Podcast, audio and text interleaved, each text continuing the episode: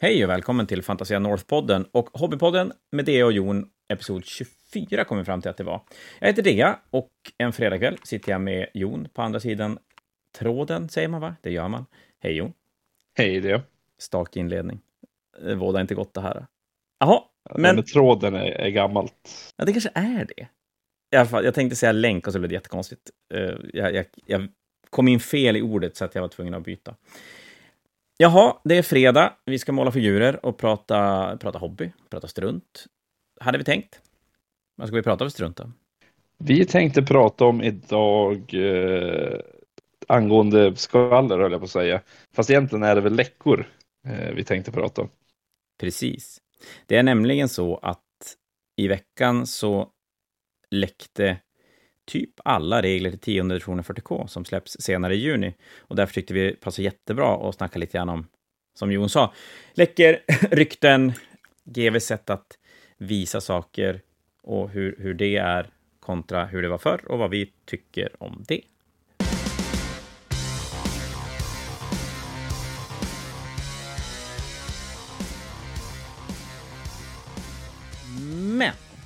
Innan vi ger oss iväg ett gnälltåg om att allting var bättre förr innan internet, för det var exakt det alla tyckte att vi skulle säga. Nej, det var, alla, det var det alla trodde vi skulle säga. Vilket det kanske blir också. Så mm. är det ju det där med målningen.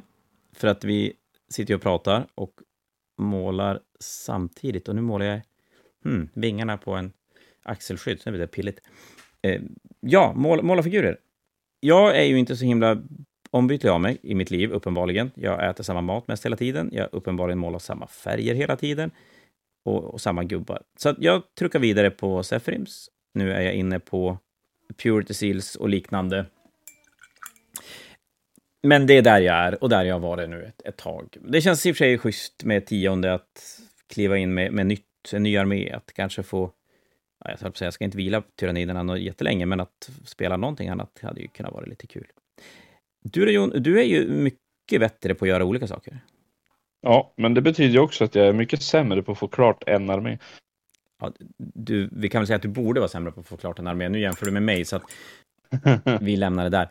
Jaha, men är det, du byggdes alver... Nej, det byggdes sinchgubbar förra gången, visst var det så? Ja, fast du har rätt i båda. Jag bygger sinch alver. Ja, sant i och för sig. Ja, jag såg du spelade med dem i... vid veckan. Yes, jag tog förlorade. Ja, du gjorde det. Mot jag Slaves tog Darkness, jätte, jättelänge.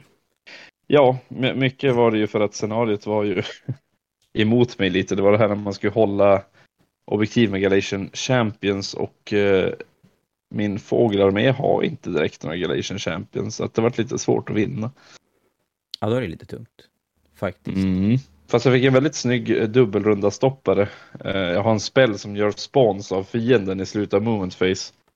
Och min motståndare fick inte bort den så att eh, när jag skulle få en dubbelrunda mot mig och få en charge av Chaos Knights, eh, Myrmidon, eh, Myrmidons och en Karkadrak på typ hela min armé och det jag tänkte bara att här dör jag. Så lyckas jag döda en knight med den spellen så dyker upp ett spån istället och så låser jag alla de där tre i combat. Så att de inte kan charge. Det är ju jättevackert. Mm -hmm. Like a pro. Särskilt när motståndaren inte har någon skytte, för då, då satte det stopp för hela maskineriet. Så jag klarar mig det. Cool. Men kunde ändå inte ta poäng för att vinna? Nej, så därför så tänker jag måla en armé som är mer passande till säsongen. Även fast säsongen snart är slut så blir det väl något nytt. Men jag håller på att måla mina Slanesh just nu, för de måste ju bli färdiga också. Jag målar med jag målar på en Lord of Pain, samma Lord of Pain jag målade för sedan, två, två veckor sedan tror jag det var. Någonting sånt. Det mm. är väl så att din Slandersarmé riskerar väl att bli lite som din Space Marine-armé? Eller? Ty, och då tänker jag inte väldigt, väldigt snygg. Ja, exakt. Jag tänker att det är en sån armé du, du ändå vurmar för ganska hårt, så att det känns som att det kan läggas ner extremt mycket tid på den. Det kan det göra. Eh, och eh, jag hoppas ju att den blir väldigt snygg i alla fall. Dock, den där Myrmiders Painbringer som vi la upp för förra veckan, som jag höll på att måla på. Jag sitter faktiskt och målar om några delar av den, för jag varit inte riktigt nöjd med färgerna. Jag tyckte den blev alldeles för mycket godis. Så nu försöker jag avgodisifiera den lite grann. Kung. Aldrig måla om en gubbe i hela mitt liv. Aldrig. Det närmaste jag kommer är att jag slängt bort gubbar för att jag blev missnöjd. Mm. Ja, nu pratar jag inte om en stor ommålning, nu pratar jag mest att byta det lila till turkost så att den inte får så många olika färger i sig. Ja, visst har vi pratat om det, att inte göra clowner? Precis, så jag var tvungen att ja, se till att det inte blev clown. Mm. Dock blev det här lite mer godisbit snarare än en clown, men det blev ändå samma grej. Eh, felen blir densamma. Mm. Det eh, låter ju fantastiskt. Ja, men till dagen. Som sagt, rykten, ryktespridning, läcker, eh, ja, och även GVs egna släpp av, ja, rykten, säger vi igen. Och det, det kommer lite grann nu av att just i veckan så läckte då tionde editionens 40K-regelbok. Det är någon som har fått den och fotat den och varannan bild, eller varje bild, så är det mer på hans skrev än på faktiska sidor i regelboken. Det var, det, det var inte det reglerna jag fastnade vid, det var det jag fastnade vid. Jag har inte lusläst dem. Vi har suttit och diskuterat lite grann på jobbet, så att vi har väl fastnat vid vissa detaljer. Och det må väl vara vad det är. Det, det ska bli spännande att se tionde. Det ser, det mesta ser jättespännande ut och, och, bra. Så jag är väldigt, väldigt positiv till det som komma skall. Det, det känns... Ja, men det känns ändå ganska likt nionde till mångt och mycket, men att de har fixat, tagit bort dumheter, förenklat där det kan förenklas på ett rimligt sätt och, och gjort en hel del andra spännande tweaks. Men just det här med, med ryktena och läckorna är ju någonting som har förändrats ganska hårt över åren. Både, ja, nu kommer det här, redan inledningen kommer det. Internet har ju ökat möjligheten att saker och ting sprids ganska hårt. Så är det ju. Och det, det tillsammans med att GV visar ju saker betydligt mycket tidigare nu än vad de gjorde tidigare. Så det blir som två olika typer av, ska vi säga, ja, två olika typer av läckor. Och jag vet inte vart, vart ska vi börja någonstans? Jag tänker vi kan ju börja lite historiskt. Mm. Om vi börjar där, från som tiden när jag var yngre. Och jag behövde inte ens vara så mycket yngre, men då var ju GV ganska stum om väldigt mycket. Men om vi går tillbaka lite längre, tänker jag. När jag kanske till och med var liten. Nu måste jag berätta att jag är gammal och säga att jag inte var så liten då. Nej, du var inte så liten då. Men, men när jag var ganska liten så eh, brukade ju GV åtminstone förvarna i White Dwarfen. Varje månad kom det ut en White Dwarf-tidning. Eh, det gör det ju nu också. Ja, men det är samma så, som det är nu. Ja. Men då så skrev de längst bak Coming next month. Ja, och så stod det vad som kom, till exempel Ogres eller uh, Bretonia eller uh, Space Marines eller något sånt där. Så då annonserade de ju i White Dwarfens baksida. Jag minns att det var många som när White Dwarfen kom, då var det bara direkt till baksidan. Vad kommer nästa månad? Ja, för behovet av att få veta, det har ju inte förändrats jättemycket. Eller det har ju alltid funnits där, sen kanske det har blivit ännu mer extremt ju mer man faktiskt får veta. Men som du säger, det var väldigt mycket fokus och som, jag tror att det var ganska ofta när det lades ut bilder på en White Dwarf, att det var nästan först, det var den sidan som lades ut först. Så att här är ny White Dwarf, det här mm, kommer nästa precis. månad. Precis. För det som var i White Dwarfen, det var ju alltid det som i princip hade redan släppts. Va? Eh, det kanske var nästa veckas release på sin höjd, men det visste man redan om från förra månaden så var det två vad som skulle komma, för de släppte ju inte grejer lika ofta då. Då släppte de ju grejer typ en gång i månaden. Ja, men jag kan ju säga det, för er som inte har varit med, så förr i tiden så var det väl släpp, det har ju varierat lite grann, men under ganska lång tid, back in the days, sent 90-tal, tidigt 2000, så var det släpp en gång i månaden och sen blev det ganska reguljärt två gånger i månaden.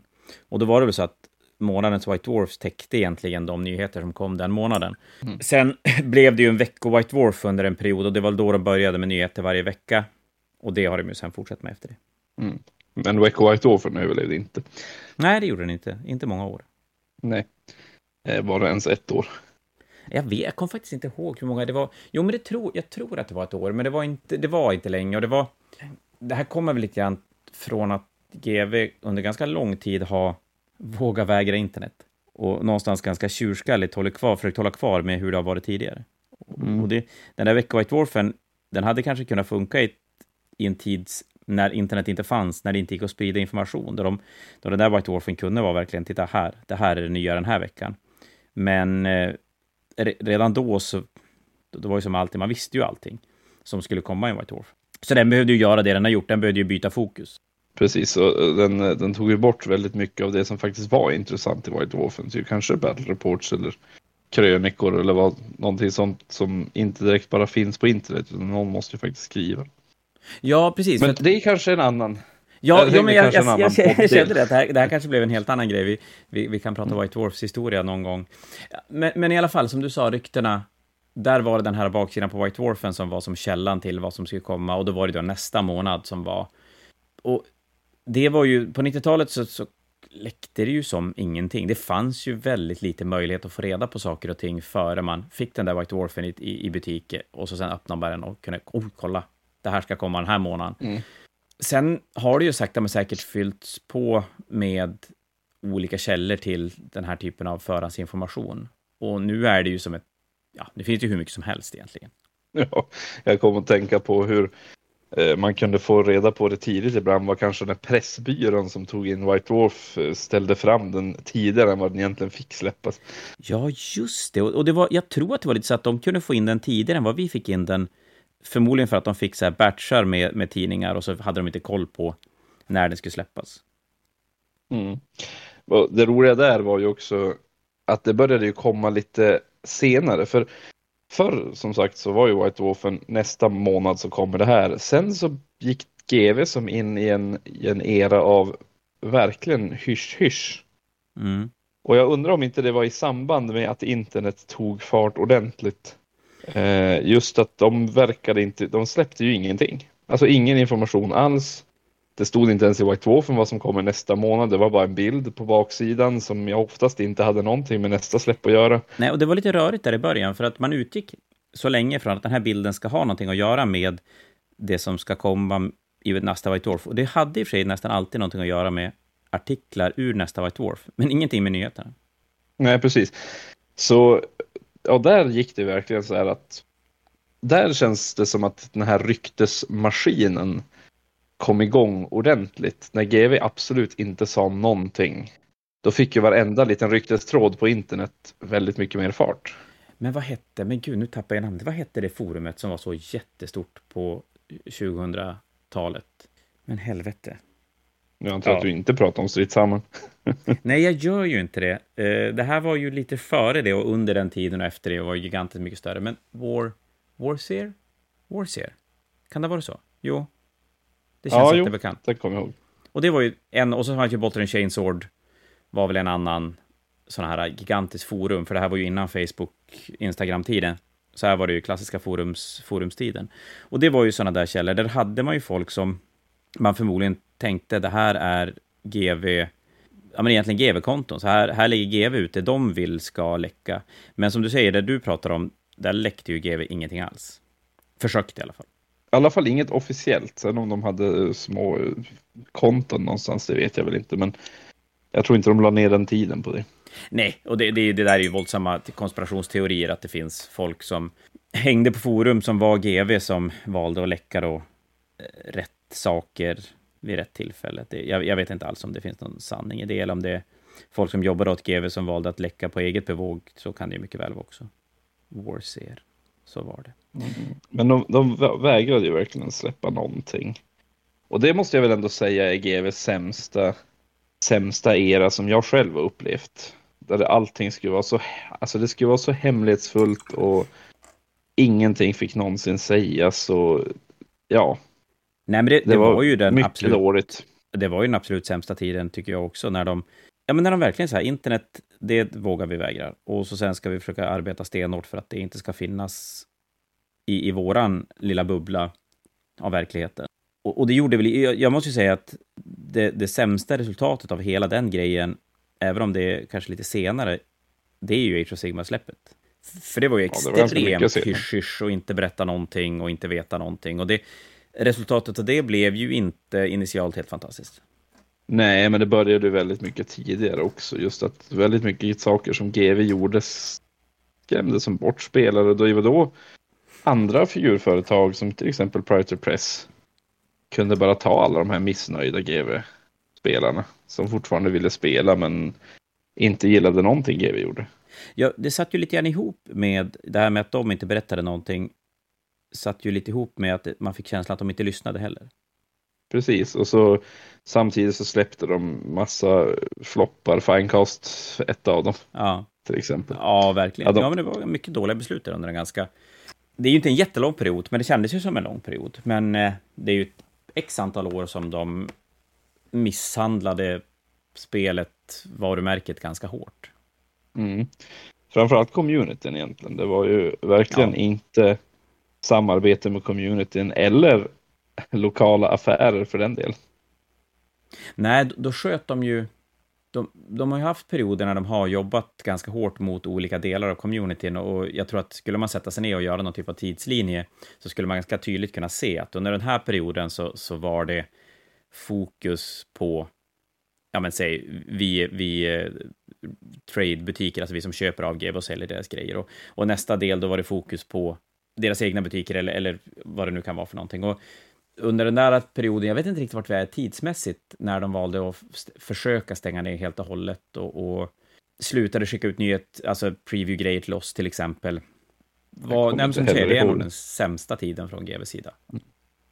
Men det var någonstans där mellan 2010 snåret till 2000, 2010 till 2000, 15? vad kan det vara? 15 kanske? Ja, för Age of Sigmar släpptes 2016? Ja, 15?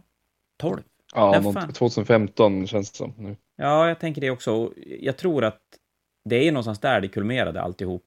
Och efter det var det ju ändå så att då börjar de lyssna på communityn. Och jag vet inte om det är så att det är resultatet av försöket Age of Sigmar i början som, som ledde till det typ av GV vi har nu som är då extremt öppen att lyssna på delar av communityn.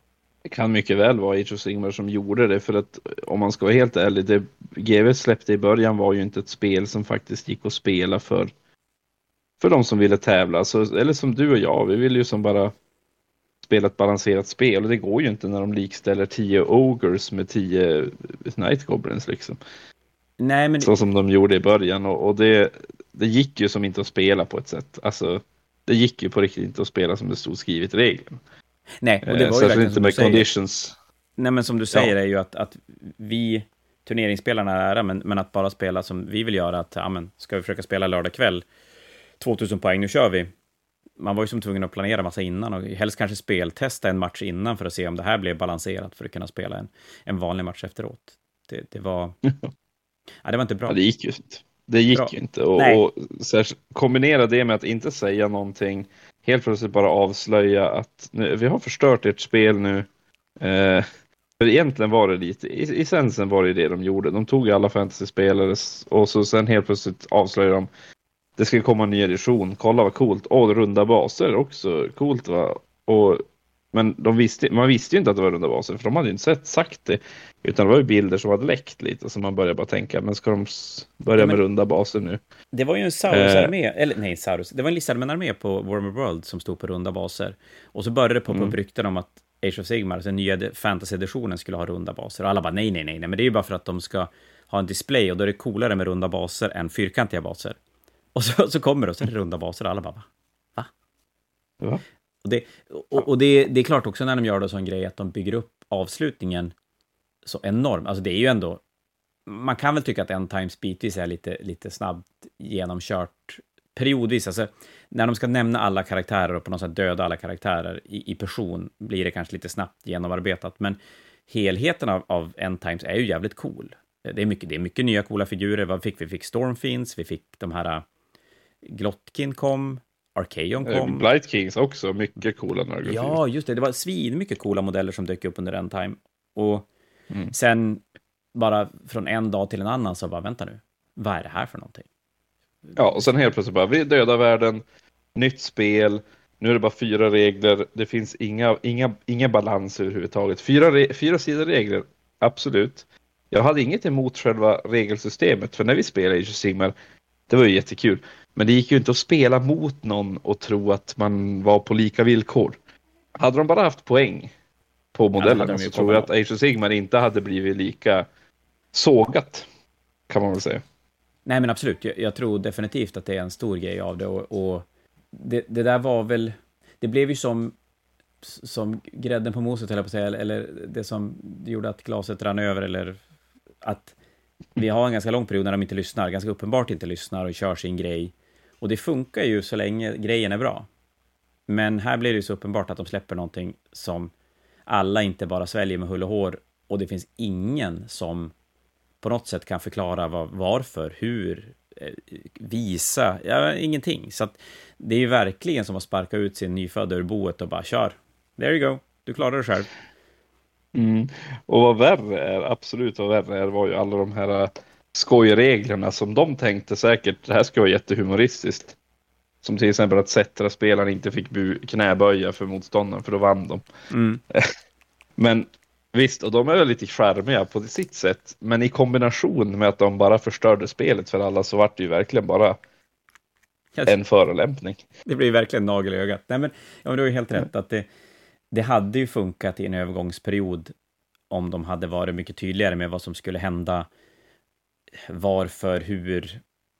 Ja, alltså, men till exempel om de hade släppt tydliga indexar och i indexarna hade de sådana regler, men ändå var det så här, ja, men det här är bara nu och det kommer att försvinna.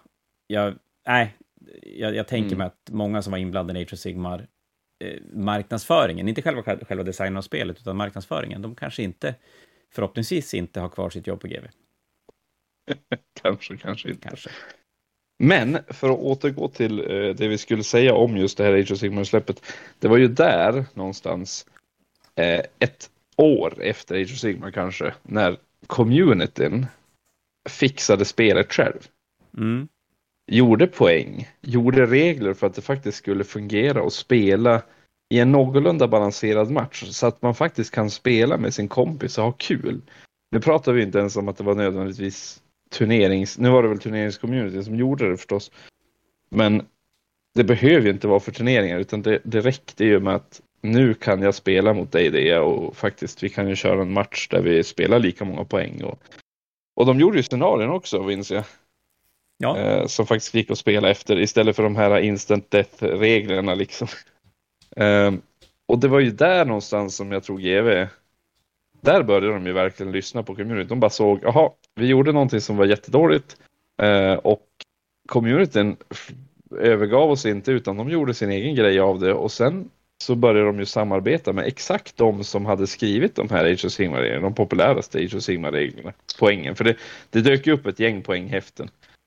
Eh, men de som absolut mest använde, de tog ju kontakt med dem och verkade samarbeta med dem för att få Age of Sigmar och bli ett bra spel. Och det var ju där den här första Generals Handbook dök upp. Mm. Den har ju varit och, Nej? Nej, jag tror att det var, det var en separat bok, men det var en sån här softback eh, stor mm. A4-bok. Det var inte i samma lilla format som den är nu. Nej, men precis. Men det var ju där den dök upp. Och det var ju basically de här community-reglerna som hade dykt upp, plus att GW hade lagt till sina egna, som till exempel Ah, nu kommer jag inte ihåg någon av dem, men de hade lagt till några egna tweaks kanske på Lookout om jag inte minns helt fel. Och, mm. och, och, lite sådana saker. Eh, och sen när de släppte andra editionen av Age of Sigmar så överförde de många av de reglerna från Generals Handbook till grundregelboken. Ja, den första patchen av ett GV-spel, typ ja. någonsin. Precis. Men den startade ju någonstans där med att communityn gjorde det. Och det var och GV som sagt, de, de tog inte och bara sket i vad communityn gjorde där, utan de tog faktiskt och sa okej, okay, ni har gjort någonting bra av våran blunder, så kan ni hjälpa oss att förbättra den?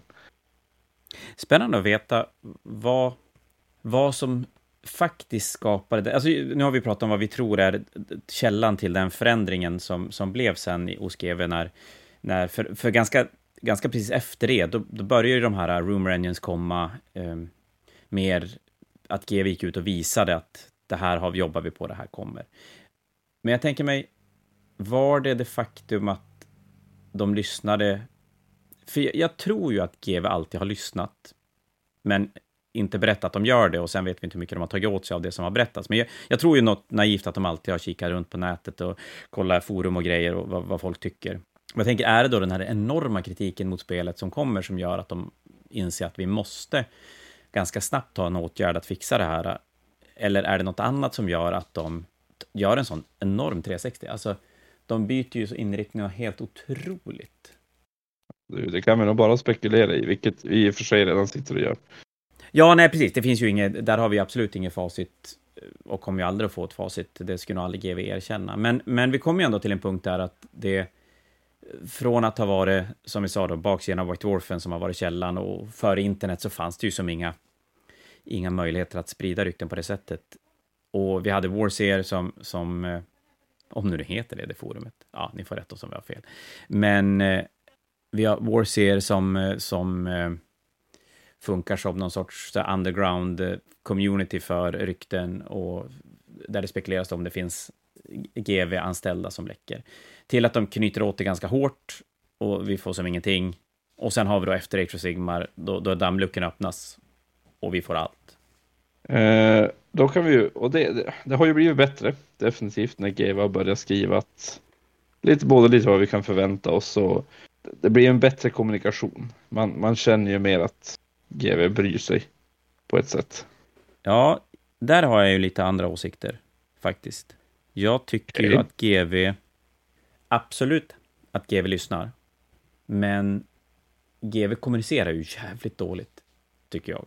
Ja, jo, det gör de ju. De är otroligt bra på att berätta saker, absolut, men jag tycker att de är väldigt, väldigt dåliga på att faktiskt svara på det vi, det, vi, det vi kommer på att vi vill veta. Jag tycker framförallt blir det väldigt uppenbart i de här Warmer Feast eh, live-seminarierna de har när de ska visa nya grejer. Att de svarar ju aldrig på frågor. Och, och de frågor de svarar på är så uppenbart att det här, det har ni vetat innan att ni ska svara på. Det, det, det, det känns väldigt, det känns inte så spontant, gör det inte. Och GV, ja men det känns som att de ofta för en ganska rejäl monolog, tycker jag. Men eh, det, det kanske bara jag, alltså det, och, och, det är väl mycket kanske runt omkring också med, med, med saker som berör mig som, som butiksägare kanske mer än mig som hobbyist. Det ska ju ärligt sägas också. Att, att och, och, för mig blir det lite svårt ibland att särskilja vart mina intressen går. Ja, det är definitivt eh, du som butiksägare som får väldigt lite information. Vi får också i och för sig, alltså bara hobbyisterna får ju ganska lite information också från frågor som man vill veta. Och det är ganska tydligt på de här Facebook-kommentarerna. Nog för att GVs eh, Facebook-team är ganska rolig och uh, har alltid en bitande comeback. Ja, faktiskt. Säga. vilket är lite kul förstås, men å andra sidan så är det en väldigt bra strategi för att inte svara på frågor. För de får ju oftast frågor som kan vara ändå ganska vettiga, till exempel när kommer den här? Så här, det, och det, det, det, svarar de ju aldrig på. De, de säger ju aldrig någonting. Så att du har ju helt rätt i att GVs, de är dåliga på att svara på frågor. Och jag vet ju det här med frågor som man ställer själv, till exempel eh, GVs jättesnygga 40K terrängkit som vi har byggt all vår terräng av. Eh, den slutar de ju tillverka och så frågar man, men ska, har ni slutat tillverka den helt? Kommer den någonsin tillbaka? Och GV säger inte ett ord. Nej om det. Vi vet ingenting. Nej, så de, de har ju blivit onekligen väldigt bra på att berätta saker. Men det är ju ganska uppenbart att många saker väljer de att inte berätta och de har ganska tydligt... Nej, jag tror inte att de har en tydlig strategi, men, men uh, uppenbarligen... De har tydliga instruktioner att inte säga någonting. Ja, jag, jag, tycker att det blir extremt uppenbart med hela tionde editionsreleasen nu, eftersom vi har funderat lite grann på just de här grejerna inför det vi snackar om nu. Och det är ju att under tionde, de har ju berättat, det har ju aldrig någonsin varit en edition som har berättat så mycket om. Alltså det är ju nästan så att vi vet fan i mig allt. Och men det gör vi ju inte, men, men de har ju berättat väldigt, väldigt mycket och man har haft möjlighet att speltesta på, på Warmer Fest och grejer. Men de berättar inte när den släpps. Lite så här luddigt juni. Men, men inte att den släpps då. Och jag, bara, jag, jag kan inte för mitt liv begripa varför den informationen inte skulle berättas. Det är helt obegripligt. Ja, det är den vettiga informationen. Det är det som man behöver veta som, ja, som framförallt butiksägare. Men, ja, men det är det vi vill veta. Vi vill veta. Ja, men jag menar, visst, absolut, visst är det kul att få veta regler kring min faction. Men det är ju relativt meningslöst när jag inte vet grundreglerna. Det, det är ju... Jag kan ju plocka så här små delar och försöka bygga ett pussel, men jag bygger ett pussel utan att se hur bilden ser ut och jag bygger ett pussel utan att veta att jag har alla bitar. Så det blir ju väldigt konstigt blir det. Men, men det är klart, det skapar ju en diskussion och det skapar en buss och, och, vi pratar om det, vi pratar om det nu och folk diskuterar det fram och tillbaka. Men då kan jag som inte förstå vad, vilken skada det skulle göra att berätta när den kommer. Jag, jag känner att och då pratar vi inte jag som, som butiksägare som kan fixa grejer, vilket jag i och för sig kan också göra, men jag tänker om man har en spelförening i, I don't know, någonstans i, i vårt avlånga land, och så bara, bara planera en turnering. Alltså, vad då ska vi hålla en turnering 12 juni? Ja, ah, okej, okay, men säg om, vad händer om reglerna släpps den 13? Men fan vill spela nionde en dag innan releasen? Det ja, blir svårt det, det att planera finns... saker. Mm. Nej, jag förstår inte heller varför de, varför de håller inne på den informationen. Det enda jag kan tänka mig igen, grejen är okej, okay, det finns två säger det här på. Det ena är att GW har en historia av jättemärkliga eh, beslut mm. på vad de avslöjar. Och det är ju att de skulle faktiskt kunna hålla på den här informationen bara för att det är en information de ska hålla på för att, jag vet inte, typ. ett GV GV. Å andra sidan så kan det ju vara också så att de är osäkra själva. Nu när de har haft så stora leveransproblem och allting så kan det ju vara att de inte vill lova ett datum de inte kan hålla. Den är faktiskt inte, den är, jag har inte ens tänkt, jag har faktiskt inte ens tänkt på det, men det, det är ju inte helt omöjligt. Så är det faktiskt. Den, är, den var faktiskt... Vad fan, Jon? Ja, förlåt mig att jag försvarar GV här. Ja, nej, men den är... Ja, nej, den, den kanske är relevant då. Faktiskt.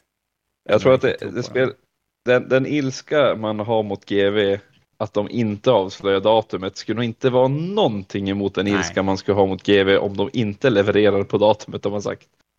Nej, det har du ju faktiskt sant. Det, det har du ju rätt i. Så är det.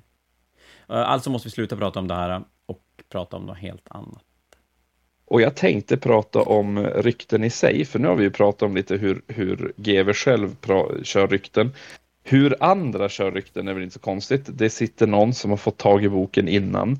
Eh, vilket händer oftare nu, för nu är ju GV lite mer öppna. Liksom. De, skickar ju, de skickar ut nya modeller långt i förtid till eh, Top Hobbyist, som vi har pratat om förr. Absolut. Um, jag tror till och med det var, var det till och med första avsnittet kanske. Jag tror vi började tilta redan då. Ja, precis. Men uh, de skickar ju ut saker i förtid så att folk kan titta på dem och, och reviewa dem och ja, så att stora YouTubers till exempel kan göra en video om deras grejer. Och det är ju många företag som gör så, så det är inte så konstigt. Men det är ju ändå en förhandstitt vi får och oftast så ligger ju regelböcker upp uppe för review på Youtube långt innan releasen. Alltså det kan ju vara två, tre veckor innan releasen. Så mm. kan man se hela boken nedbruten i små, små bitar på två till två och en halv timmes långa Youtube-videos. Eh, men sen finns ju också de här uh, Potato Cam-bilderna uh, som dyker upp. Eh, eller som du säger idag, en bild på någons skrev för att de kan inte ta ordentliga bokbilder. Japp. Yep. Um, jag förstår inte varför alla som läcker läckor har så hyggligt dålig kamera och dåligt ljus och dålig fotografisk. Alltså, alltså, jag vet inte, dålig är bara allt liksom. Ja, det är fascinerande faktiskt. Hade jag fått, alltså om jag verkligen ska ha läckt boken, då hade jag ju bara tagit min skanner och skannat in boksidorna liksom. Ja, men faktiskt. Varför, varför ta en telefon och fota ditt skrev? Jag förstår inte. Lägg det på ett bord åtminstone. Det är jättekonstigt. Slät ut in... sidorna så att man slipper ljusreflexer. Ja, precis. Han sitter i en bil och har fotat. Och... Ja, ja. Nej, jättekonstigt. Det är verkligen på, på, de är på rymmen från GVs inkvisitorer. Det är därför det är så dåliga bilden. De blir ja, jagade. känslan får man ju faktiskt. Ja.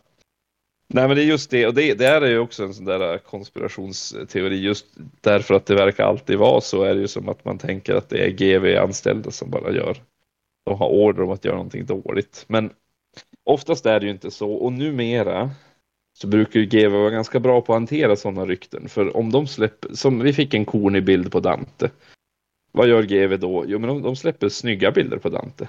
Ja. och säger, här kommer han fick bild på Arman på Sprue, nej, Artemis på Sprue. Eh, och helt plötsligt bara, nej men vänta, har ni sett Artemis? Men kolla vad här, här har vi ju Arman. Typ. Alltså, jo, de, och mm. där bygger de ju vidare lite grann på det du sa där med, med deras community, Facebook-community, att de är ganska duktiga på, på att göra det på ett roligt sätt. Eh, men de har ju, jag tror att en sån här läcka av en regelbok kan vara någonting större, för det är ju knappast så att de lägger, lägger upp hela regelboken på internet. Det är svårt Nej. att sälja böcker sen. Nej, det här, jag vet inte riktigt vad. Men jag, det jag tycker är lite intressant, och det här vet jag jag pratat med, med Fällman i, i, i butiken. Vi är ju där någonstans att man vill veta. vi vill veta grejer så fort det bara går. Alltså det är ju verkligen, varje nytt rykte, då är det bara fokus nästa rykte. Nästa grej. Vad, vad, vad kommer sen? Och när de har haft en reveal, då vill man bara veta nästa grej. Men jag i alla fall börjar nästan backa tillbaka och sakna lite grann att bli överraskad. Att känna att jag får veta vad som, komma, vad som kommer väldigt, väldigt nära jag har möjlighet att pilla på det själv. Ja, jo, det finns ju absolut en tjusning för att få reda på någonting och sen inte behöva vänta så länge på det. Nej, men jag kan, jag kan tycka det. Och det, det och här vet jag inte, här skulle vara jätteintressant att höra hur fler resonerar. Men just för min eget, mitt eget hobbyandes skull så skulle jag nog inte ha alls någonting emot att jag inte får veta saker så enormt långt i förväg. Alltså vissa av de här eh, Warhammer-revealsen eh, som, som de visar massa nya coola grejer. Och så man bara, jag har ingen aning när det kommer. Det, och det är nästan så att man hinner som över... Om, är det en riktigt cool grej hinner man nästan överpeppa det innan det släpps. Och är det inte en riktigt cool grej, då hinner man detaljstudera den och, och fundera så mycket kring den att när den väl kommer, det är så här, meh, det där var ju tråkigt. Mm. Jag har ju sett den, den är 14 000 vinklar och tycker att den har blivit ful medan jag tittar på den. ja. Eh, eller så har man tyckt att den blivit snygg, men likväl så, så finns det inget spännande i den. Nej, där finns det ju en, en tanke att Next Month var en ganska bra ledstjärna. För en, en månad kan man vänta på grejer typ. Ja, men det känns ganska lagom. En, en månad, då kan jag då kan jag titta på bilder, jag kan eh, längta och, och, i alla fall för mig, jag vet inte, det kan ju vara väldigt an, an, olika för andra, men för mig så håller mitt fokus kanske inte mer än en månad och det gör att då, då kan jag fortfarande peppa mot den där grejen. Och är det då någonting som kommer som jag inte är speciellt sugen på, ja men en månad sen är det nästa grej jag kan kika på. Men, men ja, jag tänker samma sak, lite grann samma sak kring regler och kodexar och battletome som kommer, att lite grann så, så, det är ganska mysigt. Och jag vet, här kanske jag blir bara nostalgigubbig, men det är ganska mysigt att öppna boken. Och då pratar vi inte om att lukten och, och känslan av en ny, nyöppnad bok, för det är ju faktiskt, då är man ju gubbe på riktigt. Men att få läsa grejerna själv tycker jag är ja, alltså, kul. Jag håller med, för att det, det är faktiskt lite tråkigt att uh, öppna en bok och inse att Nej, men egentligen behöver jag inte läsa den, för jag har redan sett hela boken. Ja. Det, det, blir som, det blir som ju inte samma upptäcktskänsla som förr. Men det kanske är lite oundvikligt. Det, det, går ju som inte riktigt att undvika med internet. Och GV har väl på ett sätt slutat kämpa emot. Och det är, det är i och för sig vettigt, för jag tänker att jag tror att det är svårt att hitta den här balansen mellan att vi, vi ska släppa saker, men vi ska inte släppa för mycket. Och idag, jag menar, är det släppt någonstans, då finns det ju överallt, så att det går ju som inte att hålla det dolt på samma sätt som det gick förut. Så, så det får vi nog bara finna oss i. Och, och det går ju fördelen att det går ju bara att välja att inte se på den där YouTube-kanalen, att inte lyssna på den där Battle-reporten och, och välja att öppna boken själv. Och det är ju inte riktigt som att inte se en Marvel-film för att man vill, eller ja, att undvika att få en Marvel-film spoilad för sig, för att det är inte så att det finns ett slut i boken som någon kan bara ha ha ha, Sätera dog. Men däremot, du satte faktiskt fingret på ett, en, en fara med rykten. Överhuvudtaget. Eh, en, en fara att faktiskt döda tagg på saker. För det har vi sett flera exempel på att det finns. Och nu i editionsbyte så händer ju någonting som inte är så ovanligt och det är ju att väldigt många slutar spela spelet. Oh ja. Oh ja. Eh, bara sluta spela spelet och jag, jag, är ju, jag är ju en av dem jag är ju verkligen en av dem som känner att jag is ju inte spela nionde längre för att tionde är på väg. Ja, men det känns ju inte så inspirerande att, och framförallt de som inte spelar mycket.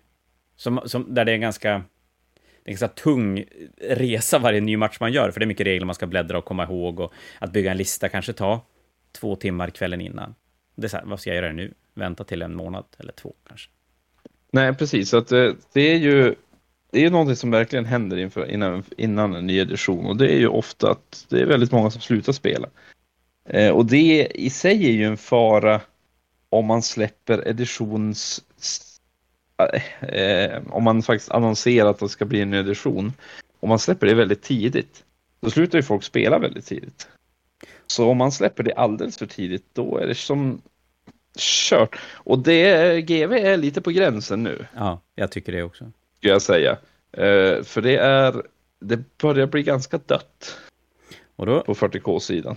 Ja, nu, det märker vi ju på Fantasia i Umeå att det är inte mycket 40K-matcher nu. Och 40K är ganska tongivande och stort spel, så att när det inte spelas mycket 40K blir det lite dött. Och det är ju det är absolut inte bra, för man dödar ju som sitt eget spel. Det här har vi ju ett exempel från ett annat spelföretag, Weird.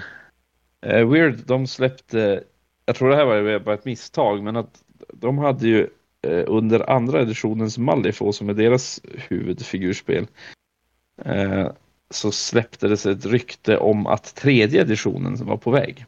Vilket var väldigt välkomnande nyheter för alla Malifaux-spelare för man var ganska less på andra editioner. Den hade snurrat ett tag eh, Eh, och den hade snurrat ganska långt tag så man hade börjat hitta felen med den eh, under tiden man spelade och man, man längtade efter en ny edition.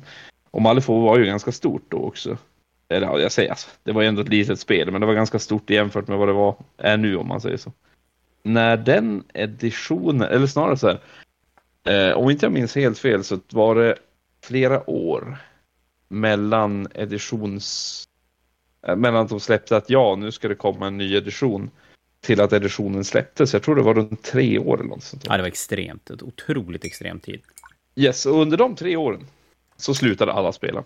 Ja, de enda alltså som spelade då, det var ju de som hade fått eh, testregler för nya editionen. Men de fick ju som inte Precis. reveala hur de ville. Nej, precis. Då släppte de ju faktiskt en beta. Men det, det var typ, det var faktiskt också, det var över nästan två år tror jag. Eh, efter första släppet att det skulle komma en ny edition. Eh, så det var jättesent den också. Och då var det ju bara vissa som kunde få den. De hade skrivit upp sig på det här. Eh, och som du sa, de kunde ju heller inte spela med oss vanliga dödliga vi som inte hade skrivit på det där, för att vi, vi fick ju inte veta de reglerna. Och de som var speltester, de ville inte ta och spela gamla. Vilket är fullt förståeligt. Så det, ja, det dödade ju Malifaux ohyggligt hårt. Det gick ju från att vara ett, ja men ändå, du minns ju kanske på den tiden när vi arrangerade SM och allting. Det, det var ju ändå ett ganska bra Malifaux-community här i Umeå. Ja, men nu hade vi sen, en underlag för en 20-24 spelare, det tror jag. Ja, det hade vi och det, det bara dog. Mm. Det var nästan ingen som spelade längre. Det var verkligen bara de här hardcore Malifaux-typerna som bara hade det som huvudspel. Liksom. Det var Malifaux man skulle satsa på. Men vi som spelade både Malifaux och kanske Age of Sigmar 40K eller något sånt där. Vi, vi höll oss inte kvar där. Det, det gick ju som inte. Det, det, det, du, du kunde inte spela spelet. Eh, för det skulle komma ett spel men du visste inte reglerna till det. Så att, att släppa det så tidigt bara dödade allting. Och som sagt, GV är kom ju inte, de kommer ju inte riktigt nära den extrema biten. Eh, men nog har det fått några känningar av att de har gått ut väldigt tidigt. Ja, jag tycker du, du är väldigt bra saker på spåren där. För det som du säger där med Malifaux, hela Malifaux-historien, men den är ju den är då extrem åt ena hållet. Men även den här tiden, nu, nu har de pratat tionde i två månader. Blir det, det, det kommer att bli ungefär två månader när, tills den släpps. Och för, jag, jag, ser, jag ska säga det försäljningsmässigt ser man en, alltså vilken enorm skillnad det är försäljningssiffrorna nu mot hur det var för en månad sedan. Eh, det har droppat, alltså enorma mängder har det gjort och det är förmodligen av våra analyser så är det ju till stor del av av det faktum att folk väntar. Det är inte lönt att bygga någonting nu. Jag väntar och ser vad som kommer. Och det, det kan ju vara lugnt, för att det kommer ikapp sen. Det, det, i sig är, behöver inte vara ett problem. Men vi har, vi har pratat om det här tidigare och det här med att, att hålla peppen uppe och för du och jag och för alla som har en lokal community att hänga och hänger på en lokal community så är det ju egentligen inga problem för att då kommer man att prata om tionde och diskutera och analysera och fundera och, och, någonstans kommer det ändå finnas i ens medvetande. Men jag tänker de här två, tre som spelar hemma bara mot varandra, som även de tappar lite sugen, eller blir sugen på det som komma skall. Men helt plötsligt den här en gång i veckan när vi träffas och, och spelar, den försvinner bort för att ah, vi orkar inte spela gamla editionen. Och så går det två månader och så kommer en sommar då man kanske inte är lika aktiv och så helt plötsligt är det ett halvår utan att man är upp in, in i det. Och helt plötsligt så tar man sig inte tillbaka. Nej, det är ju definitivt en risk och, och det, det tycker jag GV måste, på något sätt så borde de vara medvetna om det. Och därför tycker jag att de var väldigt tidig med att annonsera editionen helt enkelt. Ja, det... Och så det i kombination med att inte ge ett datum. För det är ju enklare att veta, ja men har du ett datum, då vet jag att, ja men då är det där. Då kan man planera, då, då, då har man som någonting att längta till och tagga på. Ja, nu är det ju mer bara lite diffust, vars, när ska den släppas? Och vi är ganska många som, ja, du är ju en av dem som aldrig är mer effektiv och produktiv än när det är en turnering på väg eller något spelarrangemang i väg. Och här, ja men kan man ha som lokala polarna som har planerat, ja men vi bygger en combat patrol för det verkar vara en grej. Och så har, spelar vi på releasedagen eller veckan efter eller någonting. Och, och då har man ändå ett fokus i det man gör. Men som du säger, nu säger jag, men ska jag bygga nu? Jag vet inte. Jag vet inte tillräckligt mycket. Jag, nej, jag, jag, jag, tycker inte att det är riktigt, riktigt bra. Även om man hamnar alltid i det här läget att det är kul att veta. För det är inte så att jag demonstrativt inte kikar igenom de läckta sidorna av 40K-reglerna. Kanske snarare tvärtom. Att jag dyker Nej, in i dem. Tittar man. Då tittar man där, alltså man vill ju veta. Eh, sen kanske man inte vill veta på det sättet att med, med ryktena, men eftersom vi inte får något mer från GV så blir det ju som där man kan titta. ja, men å andra sidan är det ju så att skulle de släppa det här så skulle jag ju också sitta och kika. Men nu är jag svårare och, och jag tycker inte om att bygga pussel. Jag, jag tycker det är ganska segt att sitta, ja men idag släppte de regler om en, en Meltagun och imorgon släpper de reglerna hur man hoppar mellan två byggnader och imorgon släpper de reglerna hur en Space Marine sätter på sin hjälm. Ja, men alltså det...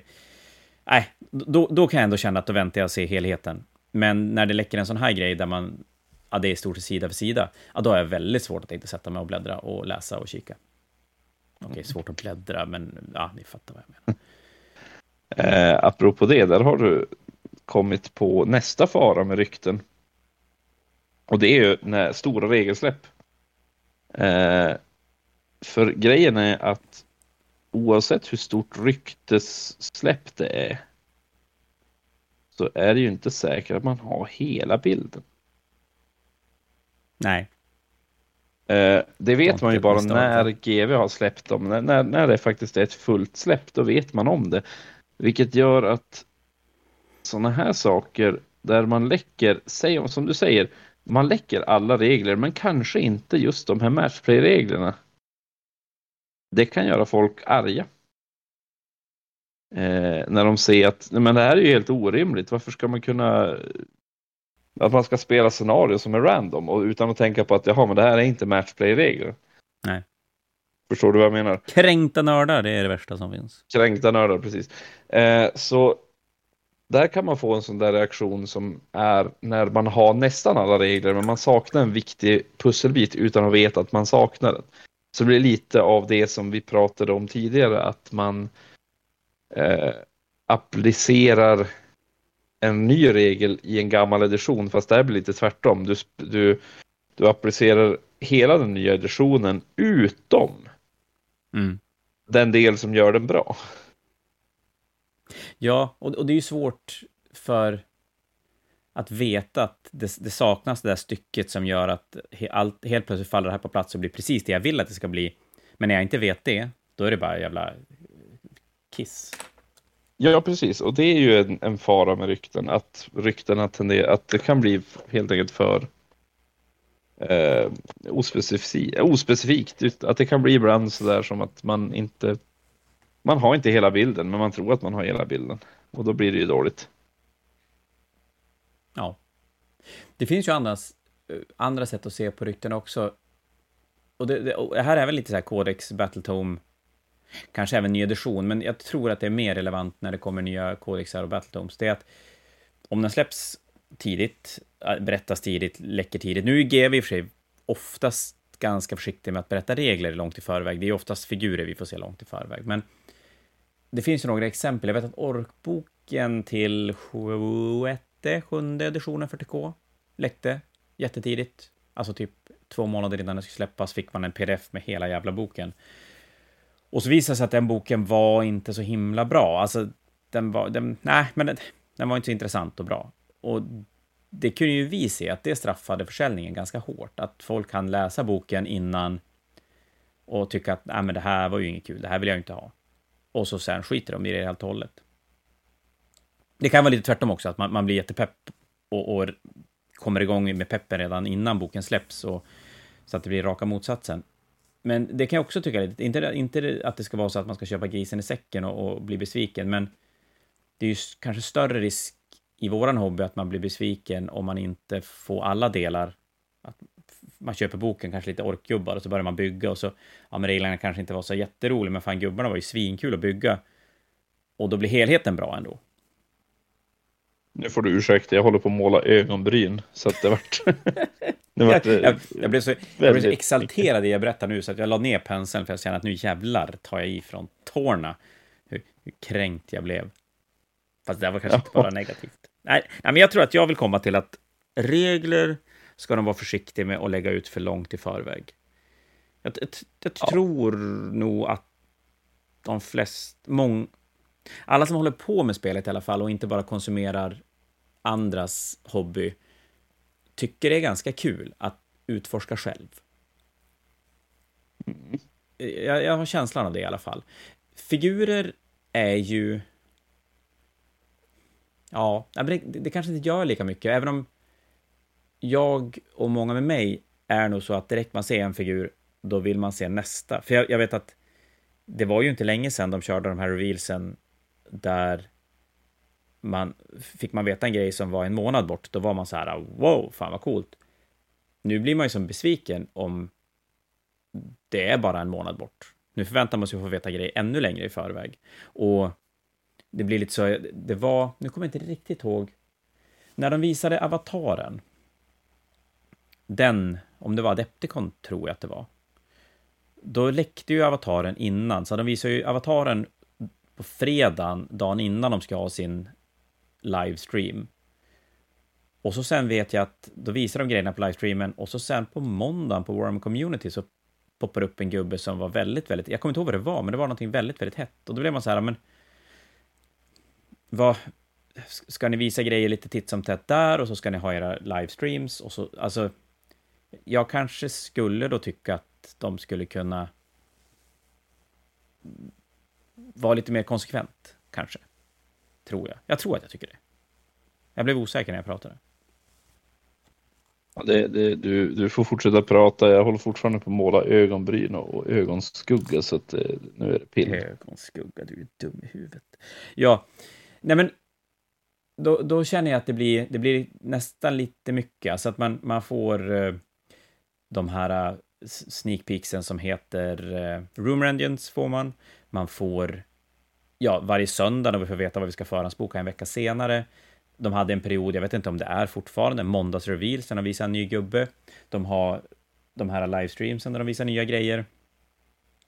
Och att periodvis är det så extremt långt i förväg man får se saker och då, då personligen tycker jag att det blir för långt. Alltså det, man, man hinner som glömma bort det innan det kommer. Jag, jag har nästan redan glömt bort de här Age of Sigmar-grejerna som de visade på Warmfest. För det har varit så mycket fokus på annat under tiden. Och, och sen å andra sidan då kommer då, då visar de den här äh, nya Killteam-lådan som heter Faith någonting. Ashes of Faith kanske, tror jag. Ja, skitsamma. Och den visar de och sen kommer den två, tre veckor senare bara. Så jag, jag vet inte det spelar ju, ah, fan, det spelar ju egentligen ingen roll, men jag skulle, jag kan ibland sakna att inte, att bli överraskad. Jag, jag tycker jag, jag blir ganska pepp på söndagar när man får veta vad som ska preordras nästa vecka, för att då är jag så här, det här kan jag lägga fokus på. Det här är någonting, oj, det här var kul, det här kommer snart. På tal om... Jag tror det är viktigt. Nu har jag rantat så länge, så nu har jag helt tappat tråden och kommit in på något helt annat vi, jag, jag måste fan... Eller vill du säga någonting nu när du har slutat måla ögonskugga? Jag började måla ögonbryn igen. Jag måste okay, highlight, ja, eller shada ögonbrynen typ. Kör på. Det är ju ganska... mycket snack om att grejer är slut nu och det är väldigt mycket snack om allokering hos GV, hur de allokerar produkter. Så jag tänker att har vi något mer med ryktena vi pratar om? Jag tror vi har väl täckt det mesta. Okay. Vi får ju inte prata för mycket för då går ju tiden iväg. Ja, men eller hur. Men jo, det här med allokering. Jag såg Spiky Bits hade någon där de berättar hur de har hört att allokering och grejer funkar. Nu är det lite annorlunda i USA än vad det är i Europa, men för att, att ta det från början. Alla nyheter som GW släpper har en allokering på hur mycket vi får beställa. Den vanliga kappen på nyheter är 30. Sen är vi några större butiker, handlare som har dubbla konton som får köpa dubbelt så mycket, vilket gör att vi har då 60 som en, en allokering för, för nyheter. Men sen har de, på många nyheter så har de en spesad allokering och oftast, det, den anledningen vi får höra, det är ju att det är begränsat med, med produkter i omlopp och allokeringen är gjord för att alla ska ha chans att få köpa. För innan de kom in med det här, då var det, då blev det lite grann som på mailordersidan att någon kommer in, köper jättemånga och så tar det slut. Så att de är tvungna att sätta på något typ av kösystem för att det ska funka. Och det här är ungefär samma sak för oss återförsäljare, att ja, men du får köpa tio stycken, därför att då får alla chans att beställa. Och så funkar det så att vi beställer ju på måndagen, dagen efter Warmer Communityn berättar vad som är nästa veckas preorder. Och då får vi beställa vår allokerade mängd och sen efter releasedagen, om det finns kvar grejer, då får vi beställa mer. Och då kommer det då ungefär en vecka efter releasen. Och som sagt, 30-60, jag kommer att prata siffror som, som vi får, så att ni får halvera dem om ni har en butik lokalt som är lite mindre. Men då får vi beställa 60 saker av en grej. Eh, häng kvar två sekunder. Som sagt, vi, vi då får beställa 60, ni får, jag kommer inte ihåg vad jag sa för någonting, jag sa godnatt till min fru. Um, men sen, sen, kommer då de här allokerade produkterna som vi har färre allokering av. Vi, vi har till exempel lejonet som vi fick beställa 10 av. Vid förra Halo, Halo Killteam-lådan som kom fick vi beställa fyra stycken av. Och även den här Killteam-lådan som går på preorder imorgon får vi beställa fyra av. Och då ska ju sägas att, att vi skulle väl budgetera för att sälja ungefär 24-30 lådor av Killteam-lådorna. Och vi får beställa fyra. Ni förstår själv, det är jätte, jättefå. Och det blir jättekonstigt för oss. Hur ska vi välja att dela upp dem? Ska vi ha först till kvarn på preorder? Men då är det så att vi får officiellt inte ta preorder förrän klockan 11 på lördag. Vi öppnar butiken klockan 10. Så ska vi då ha någon typ av kö, kanske? För, för vem som ska få boka. Eh, ska man ta den på telefon? Hur gör vi med näthandel? Ska vi lägga ut dem där? Och så sen har vi då, och jag är nog inte ensam som har det, men man har massa bekanta eh, genom butiken, både sådana man tycker väldigt mycket om, sådana som handlar väldigt mycket, alltså massa olika saker. Och hur ska man värdera det? Alltså det, det blir väldigt mycket konstiga frågor man måste ta hänsyn till. Men det som blir väldigt konstigt här också, det är att mellan de här två killteamlådorna, för det kom ju en för förra veckan och det kommer en nu om, om en vecka. Mitt emellan dem så släpptes det en Warcry-låda. Och jag skulle säga att våran förväntad försäljning säger att vi ska ungefär ta in 24 av killteam-lådorna och vi skulle ta in 12 Warcry-lådor, ungefär. Så ungefär hälften så mycket Warcry som killteam. Allokering ser ut så här. Vi fick beställa 10 av, nej, 4 av respektive killteam-låda. Vi fick beställa 60 stycken av Warcry-lådan. Och det blir ju jätteskevt. Blir det. GV hade tidigare var det mycket snack om att de hade produktionsproblem, Brexit, corona, elförsörjning. Allt sånt där gjorde att de inte kunde tillverka tillräckligt mycket för att täcka behovet. Men det är klart, den förklaringen faller lite pladask när vi kan beställa fyra killteam, 60 Warcry. För jag tror inte jag är den enda i världen som tycker att och förväntar mig att Killteam ska sälja bättre än, än Warcry. Och vi har lite grann samma sak när Lionel släpptes. Vi fick beställa 10 stycken Lionel Johnson, vi fick beställa 60 Dante, 60 Azrael och 60 Varstor. Och jag och Jon och jävlar i mig, alla i hela världen hade kunnat säga att Lionel skulle sälja mer än Dante. Varstor framför allt. Ja, som redan, ja, både Vastror och, och Asriel som redan fanns i, i uh, Wrath of the Soulforge King, var det så det kanske hette, uh, den lådan. Mm. Så att där fanns ju redan ett, ett techbehov. Uh, och, och, där, det blir svårt, GW kan ju då inte använda produktionsproblem eller resursproblem som ett, en ursäkt till att de gör så där, utan det är ju något annat val de, de gör som blir märkligt. Och det märker man ju väldigt mycket kring Leviathan-lådan som, som ska släppas nu inom en ganska snar framtid. Vad, vad folk blir orolig, med all rätt egentligen, kommer den att finnas? Hur, alltså kommer jag kunna få tag i den? De har peppat den, visar den, eh, folk är skithype kring den. Kommer det finnas tillräckligt mycket? Jag, jag, tror att jag kan säga lugn, ja, det kommer att finnas tillräckligt mycket. Men jag vet inte säkert. Jag... GV har... Jag hade ju, hade någon frågat mig om Lionel Johnson hade varit kappad till en femtedel av vad vi hade tänkt få beställa. Så hade jag sagt, men ni är ju dum i huvudet. Det är klart han inte är. Det var han. Så, ja. Ja, det där är ju faktiskt uh, helt orimligt. Det är helt orimligt. Det finns ingen Nej. Ja, det finns ju ingen rim och reson med det där alltså. Det, det Nej. 60 Warcry-lådor och 10 Lionel Johnson. Ja, det är, det är jätte, jätte, jätte, jättedumt. Eh, och mycket annat kan jag, kan jag förstå. Jag kan komma med förklaringar vad jag tror. Eh, till exempel att Gallifall kommer så himla nära den nästa killteam-låda.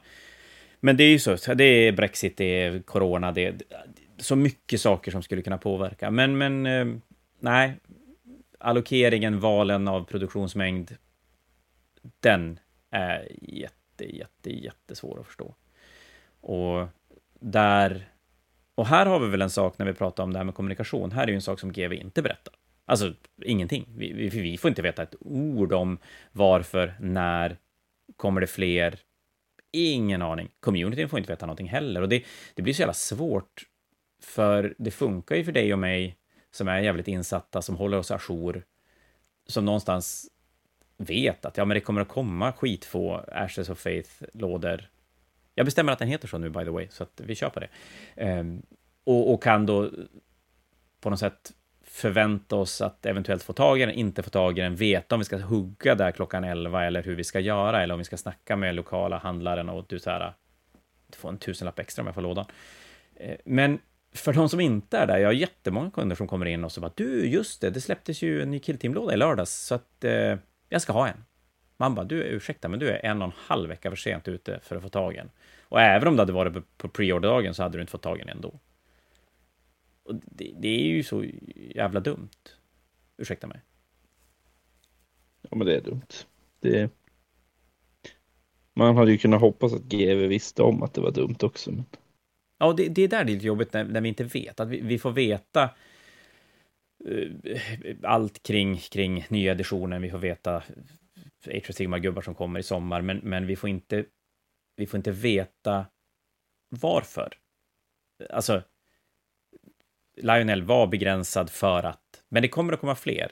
Kanske till och med att vi skulle få veta när det kommer fler, för att nu har ju folk som kommer på något sätt kommer överens om att, med sig själv att ja, jag fick inte tag i Lionel, jag får göra någonting annat under tiden.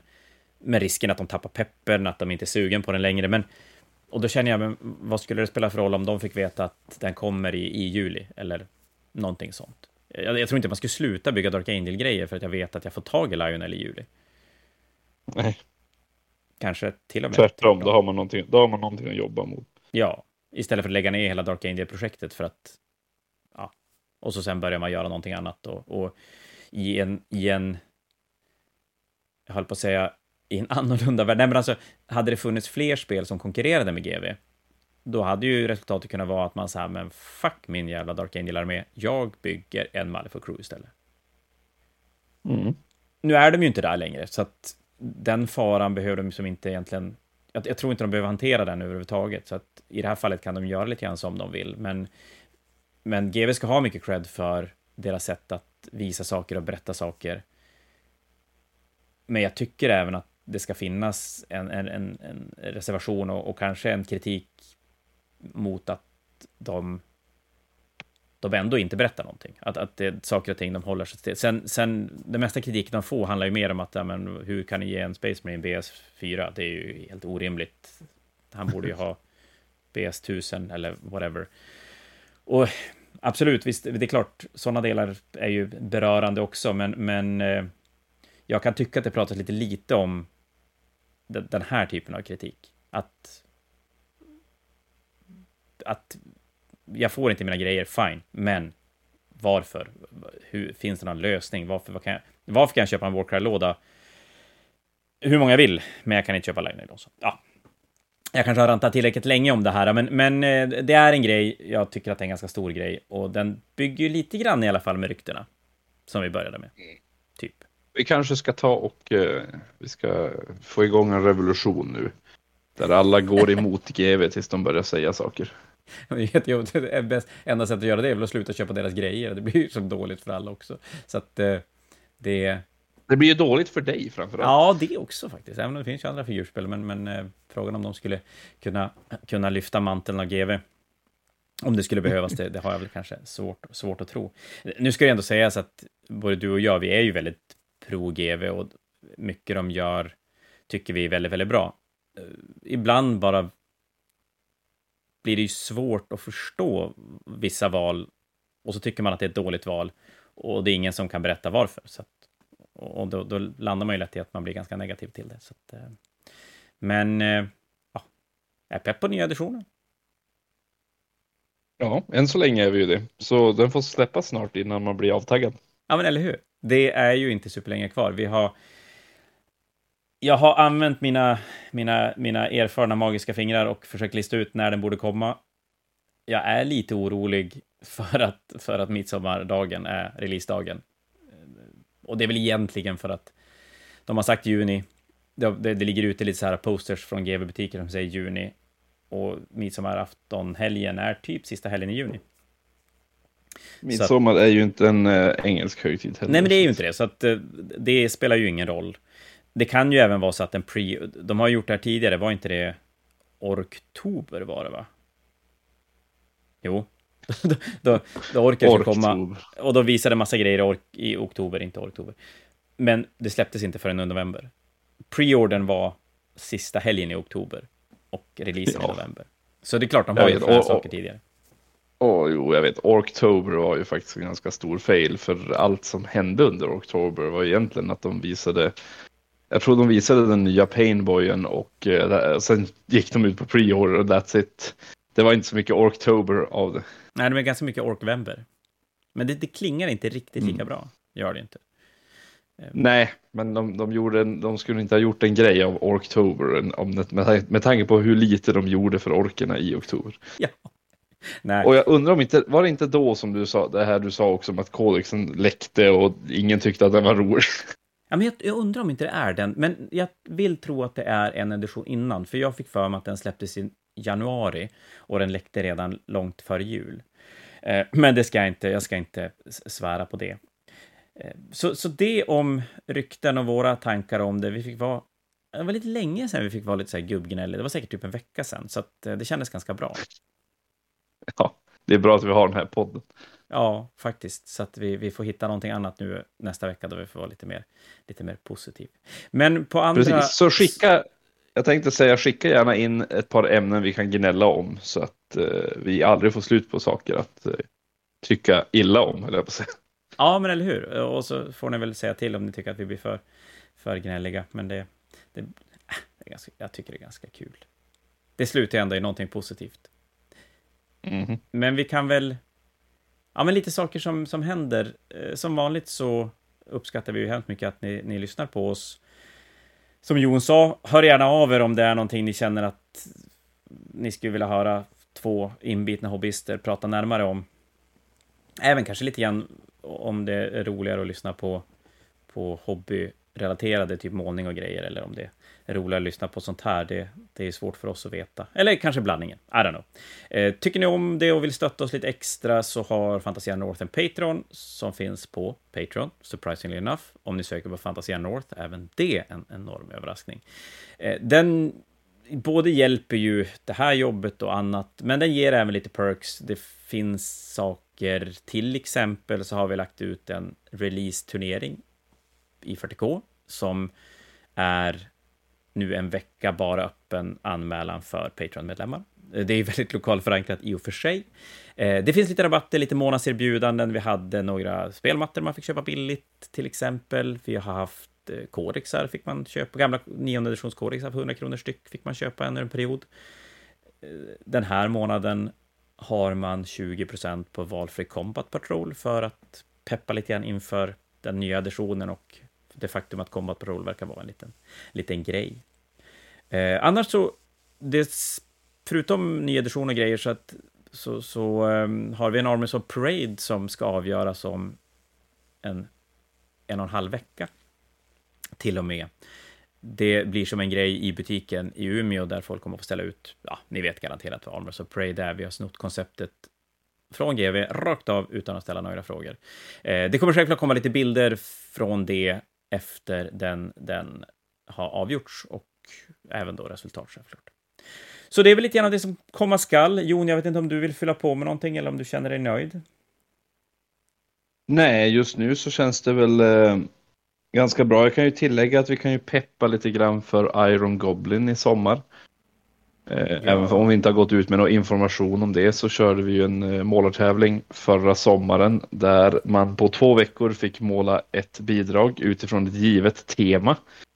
Och ställdes mot en motståndare eh, och där fick man poäng beroende på vem som hade gjort bäst ifrån sig i olika kategorier. konceptet kommer att vara ungefär likadant och majoriteten av poängen kommer att ges för tema och inte teknisk skicklighet nödvändigtvis. Eh, så det är en tävling för alla. Ja, men precis. Fantastiskt roligt att följa och jag tror och hoppas att de som var med tyckte det var roligt också. Och som du säger, den är ju perfekt. För målning numera är ju svårt för att det är väldigt, väldigt, väldigt stor skillnad på målare och det är ju mycket större skillnad nu än vad det var för 10 år sedan och 15 år sedan. Att, att hålla målartävlingar är en helt annan grej nu. Och jag förstår att många tycker inte att det är värt att vara med. Men som du sa här, att vi lägger väldigt mycket fokus på tema och koncept och tanke, vilket gör att du kan vara rent målartekniskt ganska rejält mycket sämre om du är en för jävla bra idéspruta och har lite konverteringsskills och lite idéer och sådär. Då, då kan du komma väldigt långt.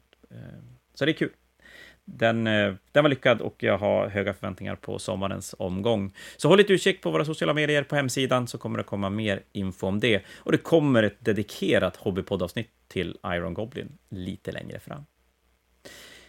Men du Jon, då tänker jag att vi säger godnatt. Nej, inte riktigt godnatt, men vi säger tack för ikväll. Eh, till alla som har lyssnat, tack Jon för ikväll och vi hörs mer om en vecka. Hej då på er! Hej då.